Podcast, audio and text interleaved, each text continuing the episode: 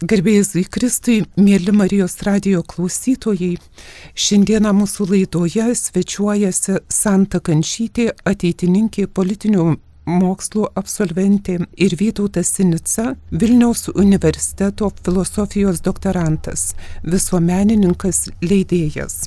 Mūsų susitikimo pagrindinė tema, tikslas yra pasikalbėti apie palaimintą Jurgį Matulaitį kurio 150 metų minime balandžio būtent 13 dieną. Šis vyskupas šventasis Lietuvai yra daug davęs ir ypatingai tuo pačiu metu mes minime 95 metų sukaktį nuo Lietuvos provincijos įkūrimo ir Lietuvos ir Vatikano konkordato sudarimo. Šie du projektai buvo laimintojo Jurgio Matulaičio nuopelnas prieš pat mirtį. Jis mirė 1927 metais sausį, būdamas 55, tik užbaigęs popiežiaus Pijaus 11 jam pavestus darbus, Lietuvos provincijos sukūrimą ir konkordato projektą ir iškeliavo amžinybėn. Arkivyskupas Jurgis buvo asmenybė labai įvairialypė, daug nuveikusi tiek katalikų bažnyčiai, tiek Lietuvai. Šiandieną mes laidoje Ką daryti kalbėsime apie palaimintojų Jurgio socialinę veiklą, Katalikų bažnyčios socialinio mokymo sritis buvo Jurgio Matulaičio vienas mylimiausių laukų. Jis buvo ir praktikas, ir akademikas, ir pirmasis sociologas arba krikščioniško socialinio mokymo profesorius, pradėjęs dėstyti Petrapilio dvasinėje akademijoje arba, kitaip sakant, rytų Europoje. Ir štai po tokios ilgos įžangos norėčiau klausti laidos svečius apie palaimintą Jurgį Matulaitį, kokios yra jūsų įžvalgos. Kuo šis biskupas ganytojas palaimintasis katalikų bažnyčios istorijoje išliko kaip savita asmenybė, kuo jis buvo svarbus anu metu visuotiniai bažnyčiai ir Lietuvai. Vytautai, taip, prašom. Tai ačiū už laidą, už dėmesį šitai sukakčiai ir temai, tam bandymui parodyti ir pavadinime atsispindinčią kitą pusę palaiminto Jurgio Matulaičio veiklos. Man atrodo, kad vieną tą akcentą pats pavadinimas ir laidos tema jau ir įtvirtina, tai yra jo indėlis į e, lietuviškos ir apskritai ne tik lietuviškos socialinės minties raidą. Čia galėsim apie tai išsiplėsti daugiau gal mažiau verta išsiplėsti, bet vis dėlto jo vaidmuo taikant katalikus Lenkijos okupuotame Vilniaus krašte ir Vilniuje, kur buvo labai įtempti tautiniai santykiai, yra nemažai studijų prirašyti ir nemažai dar ir gyvosios atminties galbūt likę. Ir, ir liečia iki šiol mūsų tautų santykius taip, kaip vyko tas gyvenimas trečio dešimtmečio Vilniuje. Tai buvo tikrai šiandien, sakytume, karštoji kėdė, kurioje buvo atsidūręs Jurgis Matulaitis kaip arkivyskupas šioje vietoje ir jam pavyko tikrai visų, visų tautų atstovai dabar kalbėdami retrospektyviai apie tą laikotarpį tik gyrė ir, ir liaupsina tai, kaip jisai sugebėjo tvarkyti su tomis pareigomis peržengti aukščiau visų tų tautinių įtampų ir būti žmogumi, kuris na, vis dėlto pastoracinė veikla, tai kas iš tikrųjų yra svarbu bažnyčiai, sugebėjo kelti aukščiau to, ko šiaip jau amžininkų daug tame krašte nesugebėjo padaryti, tai yra aukščiau tautiškumų savo ten traukti, dabar grubiai sakant, paklodė į save, ką tikrai dažnai darydavo įvairių tautybių kunigai tuo laikotarpiu tame krašte.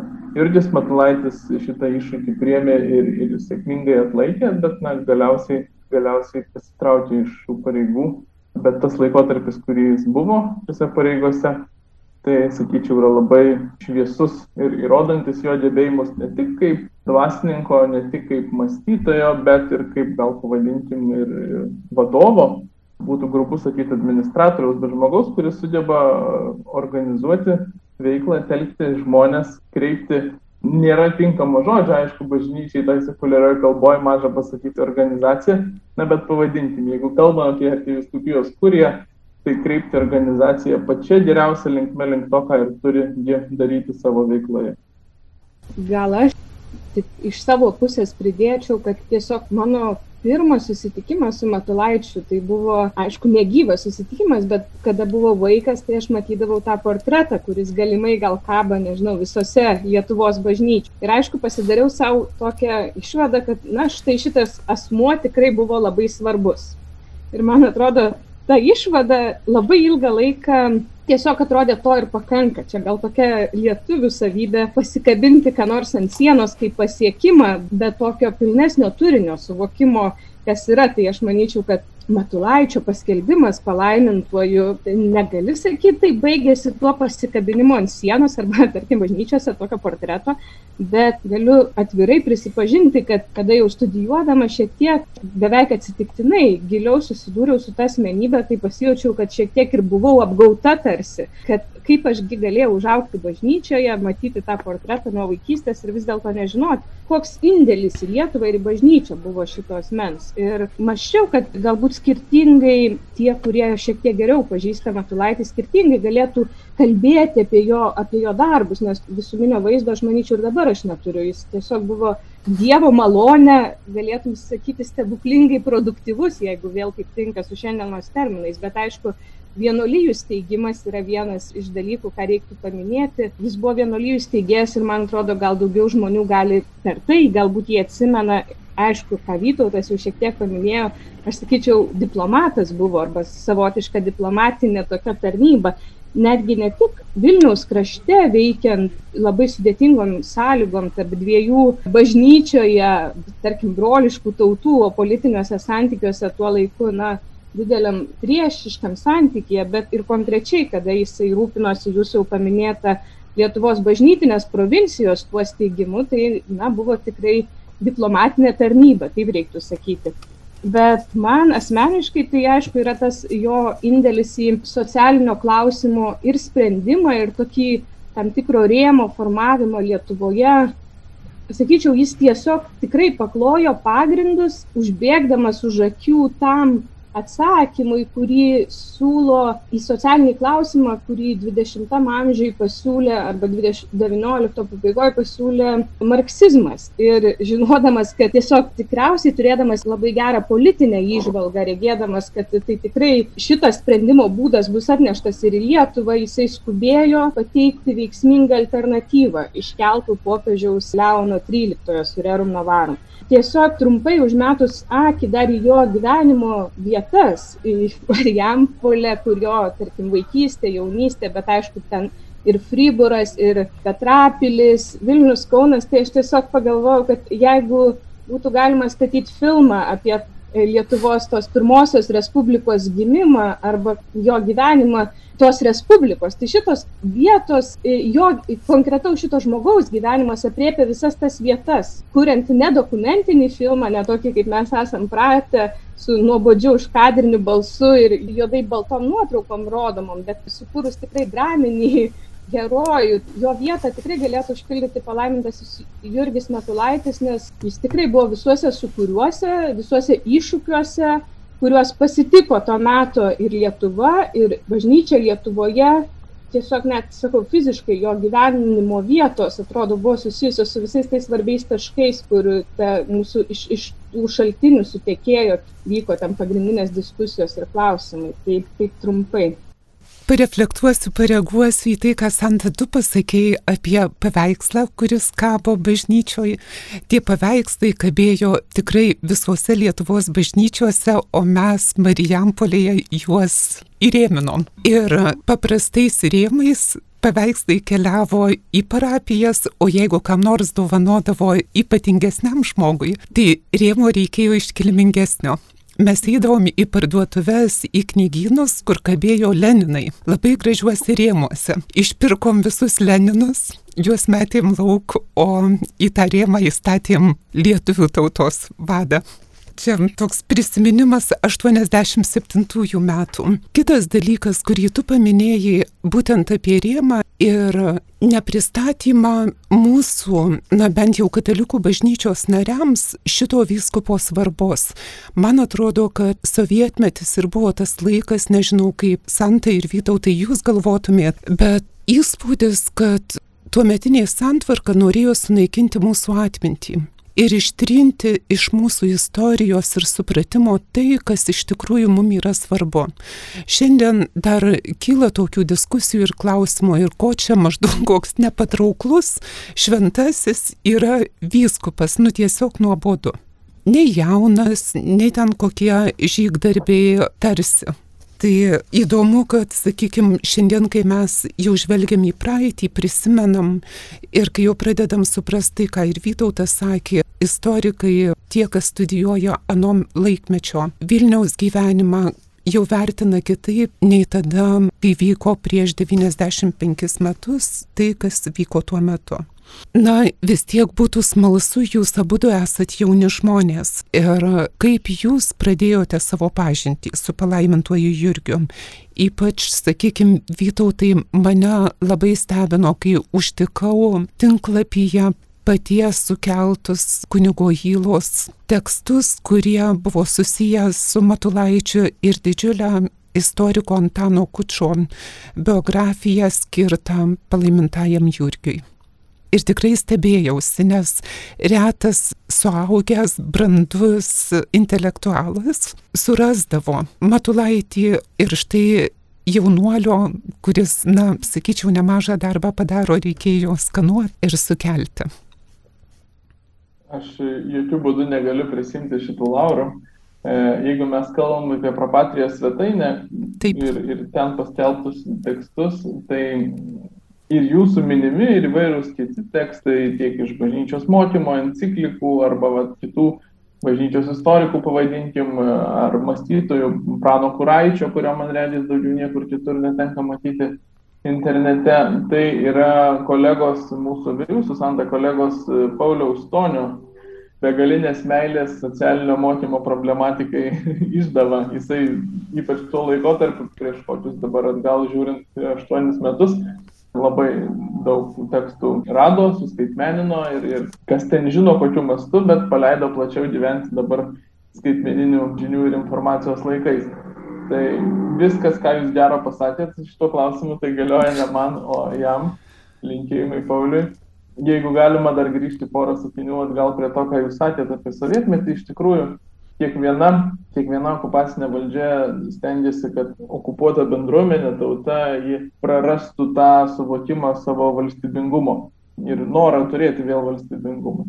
Ir pagrindinis raktas tam yra be abejo nutirsti atmintį. Yra ta visiems turbūt žinoma girdėta istorija su mankurtizmu, ar ne, praradęs istorinę atmintį žmogus yra jau ta, negali sakyti beprotis, bet politinė prasme jis yra beprotis, jis yra kaip vaikas, jis yra nesavarankiškas ir ir su juo jau padaryta viskas, ko reikia. Ir be abejo, kai tu kerti tą istorinę atmintį, žvelgiančią dabar iš to okupanto perspektyvos, tai tu pirmiausia turi kirsti per visus pasididžiavimo stulpus, per pasiekimus tos šalies, kurią tu paveldėjai. Ir vienas iš pagrindinių lietuvių tapatybės stulpų tai be abejo buvo ypač 20-ame amžiuje krikščionybė ir jos laimėjimai. Ir tiesą sakant, Lietuvos istorijoje, ypač tarpukario pirmosios respublikos, tai buvo itin persipinę dalykai. Bažnyčia kūrė didžiąją dalimi tą valstybę, ne tik dvasinė prasme, bet ir, ir kultūrinė, ir socialinė, ir politinė prasme. Patys didžiausi mūsų tarpukario valstybininkai, bent keli iš jų buvo na, tiesiog tiesiogiai kunigai, kas dabar yra sunkiai įsivaizduojama. Ir čia po to, ko gero, galėsim paliesti santykių tarp Prelato Kurpavičiaus ir palaimintojo Jurgio Matulaičio, bet kaip bebūtų, pačių jie ten turėjo ir takoskirių tas Lietuvos valstybingumas buvo visapusiškai įvairiausiais aspektais kurtas tiesiogiai bažnyčios ir dvasininkų. Viena vertus yra nieko keisto, kad katalikiškas pogrindis egzistavo sovietmečiu ir visai bandė tą ne tik religinę tikinčiųjų teises ginti, kovoti už galimybę gyvuoti visapusiškai bažnyčiai ir, ir dvasiniam gyvenimui, bet tuo pačiu ir tautos laisvę ginti, ką mes žinom, ypač jeigu kam pavyksta pasiklausyti sovietmečių skaitytų pavyzdžiui, Jono Kaunecko pamokslų įvairiose laiduose, tai buvo dabar pasakyti nacionalistiniai pamokslai apie tautos laisvę. Tai vienas aspektas, iš kitos pusės, aišku, priešingai okupacinė valdžia labai stengiasi būtent tą katalikybės stulpą mūsų tapatybėje užgneušti. Tiek dėl to, ką pasakiau, tiek ir dėl to, aišku, kad na, bolševikinė ideologija jinai buvo pati visą savo esybę prieš katalikybę, siekė sekularizuoti pavergtas tautas ir tą darė, bandydama diskredituoti tai, ką įmanoma diskredituoti, o ko neįmanoma diskredituoti, tą tiesiog ištrinti iš atminties. Aišku, nieko keisto yra tai, kad dabar iš naujo atradinėjame įvairius žmonės. Apskritai Lietuvos istorijoje ir Lietuvos bažnyčios istorijoje, kad Jurgis Matulaitis dabar yra priverstas iš naujo atsirasti mūsų atmintyje iš, iš kažkokių tai pamirštų puslapių. Taip, ir gal čia taip pat apie atsakant į tą klausimą, kokia mano pažintis buvo tokia jau rimtesnė, bet to atvaizdo įsižiūrėjimo į tą veidą. Tai tuo laiku, kada studijavau ketvirtam bakalauro kurse, nutariau rašyti bakalauro darbą tema katalikiškos socialinės minties modernėjimas Lietuvoje. Lyginau tokius filosofus Antaną Maceiną ir Stasį Šalkauskį ir tiesiog išsikėlusi klausimą, iš kur apskritai atsirado Lietuvoje ta katalikiška socialinė mintis, nes gal kontekstas buvo toks, kad lietuviai, būdami Rusijos imperijos sudėtyje, apskritai nelabai turėjo savarankiško mokslo, kita bėda buvo kalba, ką darė iš tikrųjų visi tarpukario intelektualai, jie turėjo sukurti ištisą žodyną, kaip lietuviškai kalbėti apie svarbius klausimus. Paprastai tariant, mano pirmoji reakcija, kada aš sužinojau, kad Jurgis Matulaitis būtų galima jį laikyti savotiškai sociologijos vienu iš pradininkų Lietuvoje tai kaip jau minėjau, pasijutau šiek tiek apgauta, nes kada žmogus jau yra ketvirtam kursė, reiškia, jis baiginėja savo bakalauro studijas. Aš studijavau tokį dalyką, politikos mokslus, kad galima laikyti sociologijos šaka. Ir per tuos keturis metus niekur nebuvo iškilęs Jurgis Matulaitis kaip nors kiek prisidėjęs prie to sociologijos mokslo, bet jisai prisidėjo labai aiškiai, formuluodamas pirmiausia netgi žodyną, ieškodamas kokiais žodžiais mes galim kalbėti apie tą socialinį klausimą ir aišku daug daugiau negu žodyną, tai formuluodamas tam tikrus principus, kokia yra ta socialinė problema ir kaip reikėtų ją spręsti. Žodžiu, tokia buvo, tokia buvo mano pažintis, bet šiek tiek antrindama Vytautui, tai aš tiesiog pažiūrėjau irgi vieną savo tokį senesnį tekstą, kur matyt tik susidūrus su ta neteisybė, kad štai tu gali baigti politikos mokslus ir nebūti išgirdusi Matulaičio savo studijų kontekste. Aš rašiau tokį mažą tekstuką ateitininkam, kur išdėščiau, ko aš nežinojau apie Matulaitį ir ką sužinojau šiek tiek giliau pakapščiusi. Ir tada tam pabaiga rašiau, iš pradžių žinojau, kad jisai buvo geras, geras, labai geras vyskupas, kuris siūlė nugalėti blogį gerumu. Sakyčiau, žinau panašiai kiek apie Valančių, kad jisai buvo labai geras, geras, parašė palangos Juzę. Na, tas mūsų nežinojimas arba ištrinta atmintis iš tikrųjų galiu būti, kaip čia asmeniškai liudyti, kad esu dalis to, bet dėkui Dievui kažkiek tai pavyko pažinti tą asmenybę. Jeigu galiu trumpai vieną papildymą, sunku įsivaizduoti, galbūt yra nesusidūrusiems tiesiogiai masto to, kiek apskritai lietuviška politinė socialinė mintis yra neprikelta gyvenimui. Kai mes su Santa buvom bakalauro studentai, jau sumeluot galbūt 2011 metais tik tik pradėjo kurtis kaip pasirenkamas kursas Lietuvos politinės minties istorija, kur būtų susipažįstama apskritai su bet kokiais lietuviškais politinės minties autoriais. Nes iki tol mes kalbam apie Vilniaus universitetą, aš drįščiau sakyti, kad vis dėlto nu, aukščiausio lygio aukštąją mokyklą Lietuvoje ir, ir ten to nebuvo. Nebuvo ne tik kurso, nebuvo iš esmės ir kažkokių tai, na, jau paruoštų kurso dėstymų šaltinių. Tu gali visada susirasti pirminius tekstus. Pavyzdžiui, tokio dalyko kaip Lietuvos politinės minties antologijos, kurią dėstytojas daktaras Algymandas Jankauskas inicijavo ir su kolegomis per na, ko gero dešimtmetį galiausiai padarė, tai iki tol taip pat nebuvo. Ir profesorius Jokubaičio, aš atsimenu, buvo šai, nu, taip, su liūdėsiu juoktasi, kad sako, kai papasakai kolegams Lenkijoje, kad mes Lietuvoje ne tik kurso neturim, bet net ir tam skirtų kažkokių knygų, tai jie tiesiog žiūri į tave ir guščia pečiai. Tai Jurgis Matulaitis galbūt per daug net nesistebim dar, kad jo studentai nesužinodavo, kad mes jo nesužinodavom ar ne, jo pėtsakas yra labai svarbus, bet gal, sakykime, netoks gausus bet žmonių kaip Antanas Maceina ar, ar tas pats Tasys Šaukauskis, irgi studentai iki 2011 metų baigdavo politikos mokslus sėkmingai neišgirdę, nebent patys savo iniciatyvą kur nors domėjosi. Ačiū. Čia tik paminėtas buvo Valančius, tai Matulaitis, baigdamas savo studijas, turėjo svajonę. Šiaip sakė, aš esu nerašantis žmogus, bet labai norėjau parašyti studiją apie motiejų Valančių. Ir galėčiau pridurti, duok Dievę, man būti tokiu nerašančiu žmogumi, kokiu, koks nerašantis buvo Jurgis Matulaitis. Na taip, mes taip žiūrim iš šalies, bet jis matyt labai juto, ką jis turėtų daryti. Ir beje, kai kalbam apie jį kaip apie bažnyčios socialinio mokymo įveiksmintoją, tai praktika jam atrodė ypatingai svarbi. Ir čia tokią paralelę išveščiau su šiandiena, kai Matulaitis žvelgia į Lietuvą. Ji buvo tikrai atsilikusi po baudžiavos, po carinės Rusijos, tada galiausiai pirmas pasaulinis karas, tada nuolat nuolatiniai varginimai, ypatingai Vilnijos krašto, kai keičiasi septynios valdžios viena po kitos, kas praktiškai kartais net savaitėm, mėnesiais skaičiuojant. Ir jis labai matė, kad būtinas sprendimas aktualijų suprasti teoriškai, suprasti bažnyčios mokymą ir tada iš karto taikyti gyvenime, sprendžiant žmonių problemas, gydant žaizdas čia jis taip toli žvelgė ir dėl to kūrė vienuolynus, kvietė kunigus, kvietė pasauliečius, kad jie tą darbą darytų. Šiandien, kai mes kalbam apie epigenetiką, apie tai, ką reiškia traumuotų žmonių gyvenimai, Mokslininkai tyrinėdami holokausto aukas atrado, kad karo traumos, kompleksinės traumos, jos persiduoda į kitą kartą. Ir tada galiu tikrai dar labiau įvertinti Matulaičio tą tokį dėgymą, kai jis kuria vienuolijas ir sako, jūs turit lengvinti vargą mūsų žmonių šalia visų kitų klausimų. Bet Vytautai paminėjot Kuraitį ir Krupavičių. Būtų gerai, kad pargrįžtume, jeigu galim dabar, nes bijau, kad kitais klausimais mes uždengsim tai, ką jūs norėjot pasakyti. Kuraitis tai čia mūsų šios dienos temai yra toks gal gan šalutinis, jis buvo profesorius ir, sakyčiau, vienas giliausių savo laikmečio mąstytojų Lietuvoje. Vėlgi nedaug yra jo palikimo likę ir jis irgi, kaip ir Žirgis Matulaitis, nėra dar atverstas puslapis šiandien, bet jo buvo keletas tekstų, taip pat ir propatijai suskaitmenintų.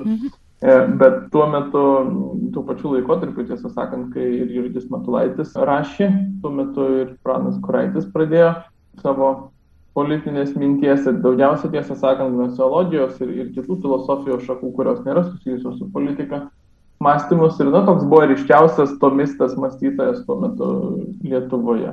Tuo tarpu prelatas Mykolas Krupavičius, jisai buvo Krikščionių demokratų partijos lyderis, žemės ūkio ministras Lietuvoje, steigiamojo Seimo laikotarpiu. Ir būtent steigiamojo Seimo laikotarpiu jis padarė darbą, kuris buvo, pasak paties Mykolo Krupavičiaus, inspiruotas, įkvėptas ir drąsa jį daryti įgauta, skaitant Jurgio Matulaičio socialinės minties tekstus bet kurį pats Jurgis Matulaitis tą darbą kritikavo. Tai yra žemės reforma. Reforma, kuri labai grubiai tariant padalino dvarininkų žemę neturintiems žemės visų pirma savanoriams nepriklausomybės kovų 18-20 metų. Na, toks atrodytų perskirstimas grubus, bet tai buvo visiška socialinė pažanga, tas veiksmas, tiesą sakant, jis turėjo didžiulių teigiamų pasiekmių Lietuvos valstybei nes na, mes visi suprantam, nėra jokioje šalyje ir niekada nebus visi žmonės e, idealistai pakilę virš materijos ir gyvenantis vien idealais. Tai, kad Lietuva sugebėjo tiems, kas e, ėjo rizikavo savo gerovę ir gyvybę e, už Lietuvos valstybę, labai aiškiai materialiai susijęti tą jų aukas. Štai čia Lietuva yra šalis, kuri duoda tau žemę, kuri sako, dirb būk laisvas savarankiškas žmogus, savo na, gerovės šios žemiškos laimės kalvis. Taip politologiškai išnekant, sujungia tautinį ir socialinį klausimą ir labai stipriai pačios Lietuvos valstybės naudai tas veiksmas buvo, kaip tai matė pats Mykolas Krupavičius, visiškai įkvėptas Jurgio Matulaičio tekstu, o įkvėptas todėl, čia nežinau ar neužbėgu už akių kitiems klausimams, e, todėl, kad Jurgis Matulaitis buvo tikrai pirmasis Lietuvoje mąstytojas, rašęs socialinės politikos, socialinės filosofijos temomis apie tai, kaip yra teisinga spręsti socialinius klausimus, tai yra na, gerybių paskirstimo ir skirtingų visuomenės grupių santykio klausimus. Čia vėl platesnis kontekstas būtų tai, kad antroje pusėje XIX amžiaus, reaguojant į vieną vertus jau senokai praėjusią pramonės perversmą, pramonės revoliuciją, kada žmonės iš žemdirbių labai dideliu mastu, labai greitai ir labai neprisitaikant situacijom tapo darbininkais, iškilo daugybė tų darbininkų problemų, kaip pats Jurgis Matulaitis rašo, kad tai virto ir girtavimu, ir paleistų vyščių, ir šeimų įrimo, ir ko tik nori priežastimi. Iš tiesų taip ir buvo, gyvenimo sąlygos darbininkų buvo siaubingos, jie labai ilgą laiką, čia mes kalbam ne tik apie Lietuvą, apie visą Europą, kuri tuo metu ir išgyveno tą pramonės perversmą XIX amžiui. Tai buvo žmonės didelė dalimi be vietos, nesurandantis, tai kiek čia jie dar yra iš vis reikalingi, ar juos pakeičia mašinos, ar jie yra priedai prie mašinų, ar jų darbas iš vis kažko vertas, jie dirbdavo po 16 valandų ir nu, gyveno daug blogiau negu anksčiau tiesiog dirbdami žemę bet to jų žemės darbo dažnai dėl tiesiog ekonominių priežasčių nebereikėdavo. Na tai buvo didžiulė problema, frustracija, jeigu galima tai pasakyti. Ir pirmasis atsakai į tai siūlė marksizmas, pirmasis chronologiškai, XIX amžiaus viduryje. Ir bažnyčia atsidūrė, bent 20 metų buvo toks ryškus vakumas, kada yra duota labai antikatalikiška marksistinė reakcija iš šitas naujas realijas, o bažnyčia kol kas tyli ir tos reakcijos nepateikia. Ir tų naujųjų ideologijų fone Leonas XIII popiežius, bijau sumeluoti tikslius metus, ar ne vienas 873, pateikia pagaliau savo vat, naujai, moderniai, tai jau industrializuotos visuomenės situacijai e, pritaikytą bažnyčios mokymą, kaip vis dėlto reikėtų žiūrėti į tas naujas realijas ir kaip teisingai spręsti santykius tarp darbdavių ir darbininkų, tarp turinčių darbą, siūlančių savo darbą ir turinčių kapitalą Ir tai buvo, na, toks savotiškas vidurio kelias tarp dviejų baisių kraštutinumų - liberalizmo kraštutinumo, kuris tuo metu buvo daug, kaip čia pasakius, liberalesnis negu dabar. Buvo kalbėta apie tai, kad jokio valstybės kišimos nereikia, visi uždirba tiek, kiek uždirba ir to yra verti ir nieko čia nepakeisi iš valstybės pusės. Ir kitas kraštutinumas marksizmo buvo siūlymas apskritai kolektyvinės atsakomybės. Tuo tarpu popiežius Leonas XIII rėmėsi tomizmu, Tomo Kviniečių ir duostata, kad visiškai atitinka prigimtinę tvarką žmonėms turėti privačią nusavybę, tai skatina žmonių pastangas ir, ir yra teisinga ir reikalinga. Ir ta privati nusavybė, jinai neturi būti tiek jos yra būtina, kad žmonės galėtų rūpinti savo sielų išganimu ir darybingų gyvenimu. Ir tam reikalingas tam tikras minimumas gerovės, kurio nesant neįmanoma. Na, žmogus, kaip ten buvo paties Jurgio Matulaičio, man atrodo, pavyzdys, gali kiek norim pamokslę, pamokslauti prieš vagystės badaujančiam tai nelabai rūpi. Šitoje visoje prielaidų grandinėje Jurgis Matulaitis buvo pirmasis šitos principus perkelęs jau ne kokios ten publicistikos, ne prabėgomis, bet labai rimtai ir sistemingai rengdamas kursus ir mokymus, pirmiausia, aišku, bažnytiniai bendruomeniai, kaip tuos klausimus, naujasias įtampas tarp darbininkų ir kapitalo reikia spręsti. O Mykolas Krupavičius buvo tas, kuris vienai par kitaip ėmėsi tai įgyvendinti. Ačiū Vytautai už tokį išsamų pateikimą ir paaiškinimą. Beje, Mykolas Krupavičius ir Kuraitis buvo Matulaičio studentai. Ir jie tiesiog įelektrinti klausėsi paskaitų ir tada grįžę į Lietuvą iš Petrapilio, pavyzdžiui, Kuraitis, Mečislavas Reinys ir dar pora įkūrė ateitininkų įstatus. Čia buvo 1908 m. vasara. Krupavičius taip pat prisidėjo. Bet dar norėčiau su jumis pakalbėti ir apie leidinį Jurgio Matulaičio raštų, kuris pasirodė Lietuvoje 2019 metais socialinė filosofija. Tai pavadintas. Šis leidinys, sudarytas profesoriaus Albino Plėšnio, versta gintauto Vyšniausko iš lotynų ir lenkų kalbos, ir išleista valstybingumo studijų centro. Suprantu, kad Vytautai ir pats ėjo ir Santa prie šito leidinio atsiradimo prisidėjot. Tai noriu klausti, kieno tai buvo sumanimas ir gal tuo pačiu dar ir vieno klausimo, kuo aktualiu šiandieną. Na, šitos mintys mes kažkiek jau palėtėm, bet gal dar vis tiek kokį akcentą uždėtumėt nes šimto metų senumo idėjos ir jas perspausdyti, ar tik dėl to, kad tai būtų, na, tokios istorijai, filosofijos minties, raidai suprasti, ar yra kas nors daugiau ir kokiam skaitytojui skiriama ši knyga. Visi nuopelnai dėl šitos knygos atsiradimo, mano galva, ir tenka ten sudarytojui vardytam profesoriui Albinui Pliešniui buvo tokia akimirka, turbūt čia bus 18 metų vasara, kad sėdėm jis, aš ir dar vienas profesorius Vilnius universiteto filosofijos fakulteto filosofijos katedra ir Albinas Plėšnys taip atsidūsta, kad, na, vat, nėra, yra tokie tekstai, yra Jurgio Matulaičio palikimas, bet nėra kas išleistų, niekas turbūt ir neišleis.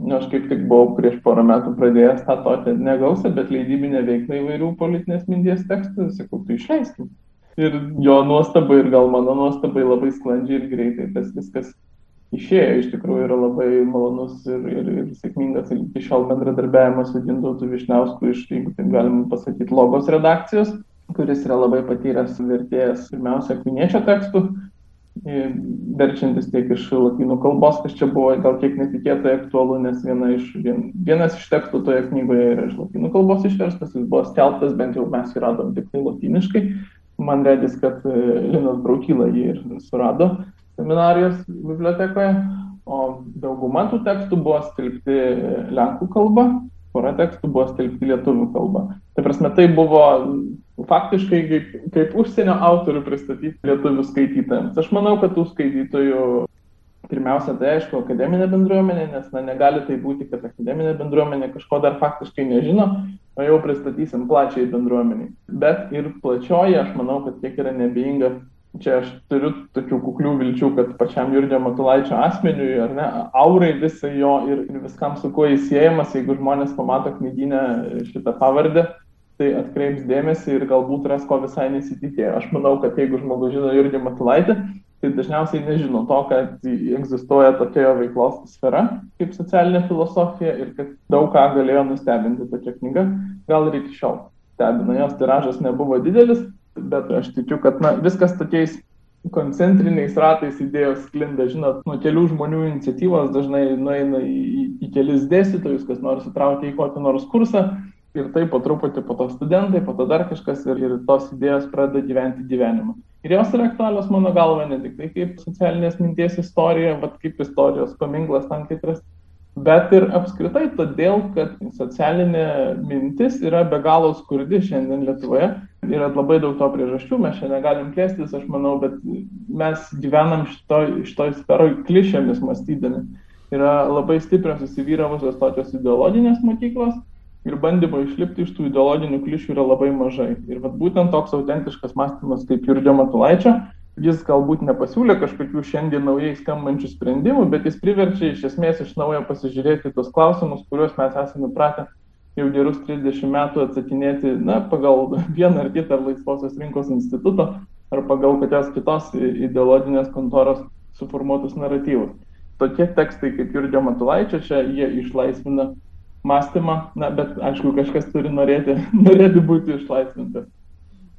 Taip, aš galiu papasakoti, kaip aš prisidėjau prie tos knygos, tai galbūt šiek tiek panašiai, kaip jūs Daiva minėjote, kada tuos rėmus išpakuodavote, išimdavote Leniną ir įdėdavote Matulaitį, tai mano darbas irgi buvo visiškai grinai techninis, nes tiesiog Vytautas kreipėsi, prašydamas nežinau, porą tekstų galbūt perimti iš kažkokių labai senų tarpukario leidinių, dabar net neprisimenu, tai tiesiog atlikau tokį techninį paprastą darbą, bet pati galvojau, kuo iš tiesų aktualios giliaja prasme tos idėjos ir Vytautas jau labai daug apibūdino, bet tarkim, tas nuosavybės klausimas arba darbininkų plačiųjų masių klausimas atrodo nėra toks aktualus, bet aš sakyčiau, kad savo esme, matydama socialinės problemas, Matulaitis pirmiausia klausė, kokiais principais vadovaujantis reiktų spręsti. Ir vienas iš tokių labai aktualių ir mūsų dienomis idėjų, tai sakykime taip, marksizmas kaip darbininkų išlaisvinimo sąjūdis galbūt nebėra gyvybingas, bet jo principai yra dar ir kaip gyvybingi šiandien. Ir aš kaip vieną iš tokių principų įvardinčiau, kad socialinis klausimas yra sprendžiamas per grupių kovą. Tai mūsų dienomis tos grupės nėra darbininkai prieš fabrikų turėtojus, savininkus arba neturtingieji prieš turtinguosius, bet yra netgi dirbtinai bandoma visuomenėje žadinti, kurti grupės, kurios mažumas, tarkim, mažumų grupės ir priešinti vienas su kitomis, sakant, kad per tokią kovą yra pasiekiamas teisingumas ar kažkas tai tokio.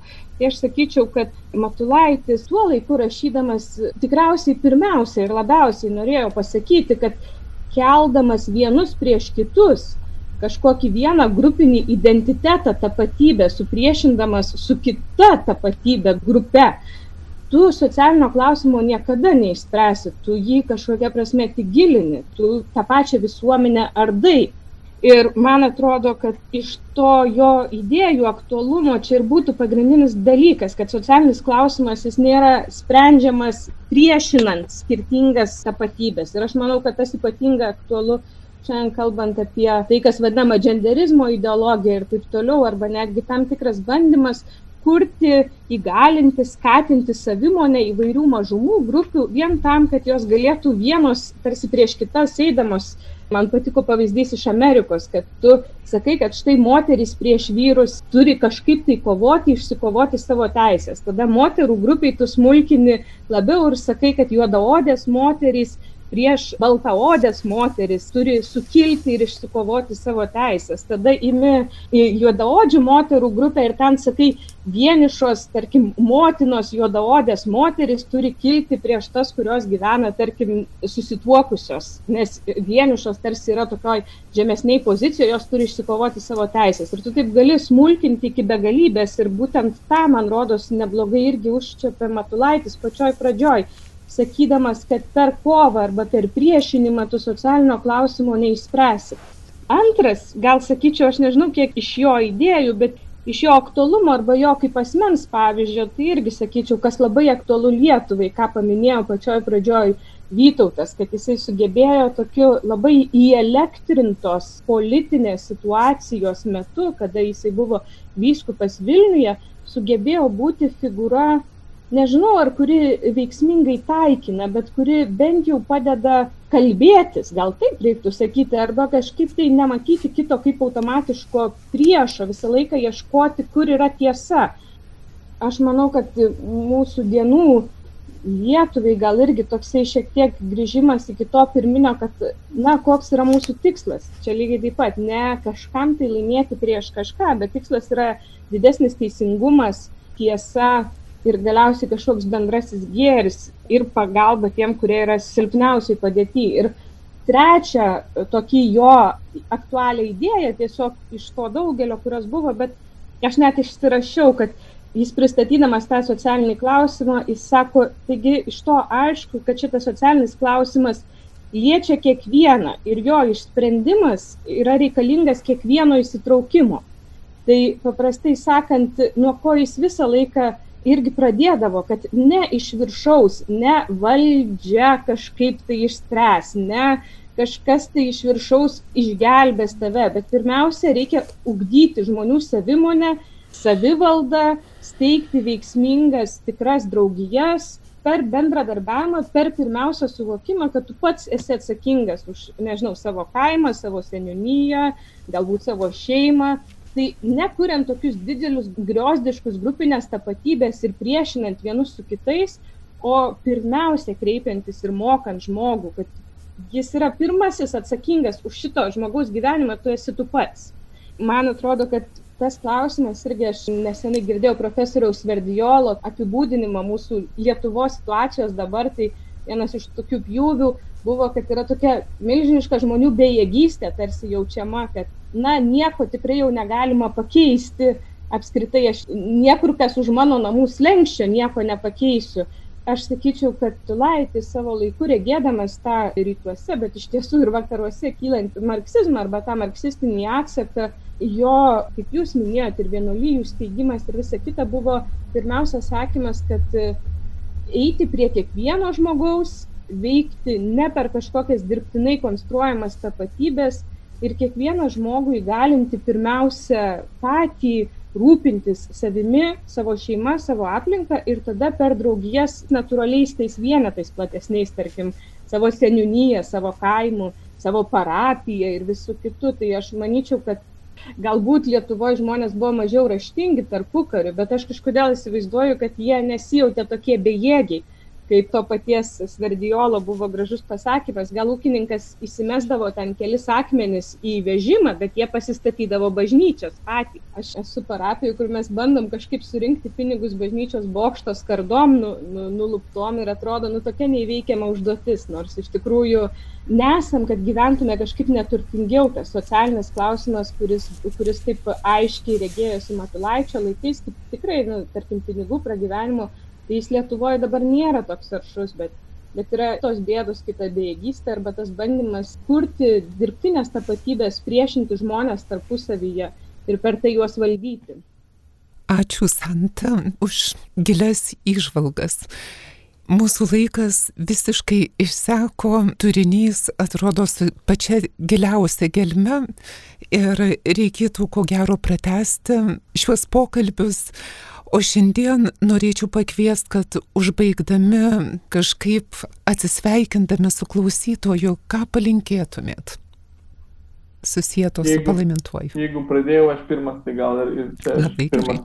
Gal, gal tiktų šioje temoje e, linkėti, vykdant, pildant įsakymą, kurį, tai, aišku, visi savo nuolat primena, mylėti kiekvieną žmogų, kad jau kalbame apie socialinį mokymą, pasistengti mylėti kiekvieną žmogų ne tik tuo pavydalu, kad štai kasdienybėje žmogų, kurį apčiuopiamai matau, savo kaimyną, brolį, artimą ar draugą, bet ir išvelgti, pabandyti suprasti, kad valstybės gyvenimas tai irgi yra, nors gal sudėtingesnių būdų, bet bandymas mylėti kiekvieną žmogų. Ir ta politika dažnai daugam labai atgrasi, tai yra bendrieji reikalai, per kuriuos mums svetimų ir galbūt niekada nepamirškim, galbūt visiems svetimų ir niekam neberūpinčių, va taip tiesiogiai betarpiškai žmonių reikalų tvarkymas ir bandymas gero jiems padaryti. Tai nenusišalinkim nuo šito, mes niekada nežinom, nematom ir tiesiogiai niekada nesužinosim, kiek ir, ir kur yra žmonių, kuriems reikia mūsų pagalbos, kurios jie negali gauti tiesiogiai, bet gal per valstybės gyvenimą, jeigu jis bus labiau teisingas, ir jų gyvenimas bus geresnis. Aš manau, kad kada mačiau apie Matulaitį, tai galvojau, kad bet kokiam kitam kontekste, kalbant apie mąstytoją, tu vis dėlto jau žiūri jį kaip į praeities dalyką. Rašė, darė, veikė ir taip toliau bet katalikų bažnyčioje mes negalim žiūrėti į, ypač į palaimintąjį kaip į praeities dalyką, nes jis yra gyvas šiandien lygiai taip pat, kaip buvo gyvas tada, kada užrašė tuos tekstus, kada veikė dėl Lietuvos. Ir panašiai kaip Matulaitis vėl primena tą tomistinį principą, kad malonė prigimties nenaikina, bet ją ištobulina. Tai aš sakyčiau, kad jeigu jam taip rūpėjo Lietuva tuo laiku, tai šiuo metu danguje turėtų rūpėti dar tobuliau. Mano galinkėjimas ir prisiminti jį kaip gyvą asmenį, mokytis iš jo pamaldumo Marijai ir galbūt tokia trečia dalis tai nepasiduoti tai bejėgystės iliuzijai. Nes vis dėlto manau, kad tai toksai yra šetoniškas viliojimas geriausiai tikinti žmogų jo bejėgystę, esi beveik laimėjęs kovą. Tai kaip sakė Matulaitis, blogį kažkaip reikia mėginti nugalėti gerumu, bet veikliu, praktišku, konkrečiu. Ačiū. Mėly pašnekovai, primenu radio klausytojams, kad šiandieną apie palaimintojų Jurgio socialinę veiklą, jo socialinę filosofiją kalbėjomės su Santa Kančytė, ateitininkė, politikos mokslo absolventė ir Vytautų Sinica Vilniaus universiteto filosofijos doktorantų, visuomenininkų leidėjų. Ačiū Jums už gilias išvalgas ir iš tiesų turbūt mes, šie jauni žmonės, kviečiame Marijos radio klausytojus ir melstis, ir pastebėti tiek politikus, kurie sprendžia problemas, kurios niekam kitam nerūpi, o taip pat blogį įveikti ne tik gerumu, bet ir dauginant gėrį. Ačiū Jums, mėly Marijos radio klausytojai, uždėmesį, o laidą vedžiau aš, sesuo Daiva Kusmitskaitė. Iki kitų susitikimų. Su Dievu.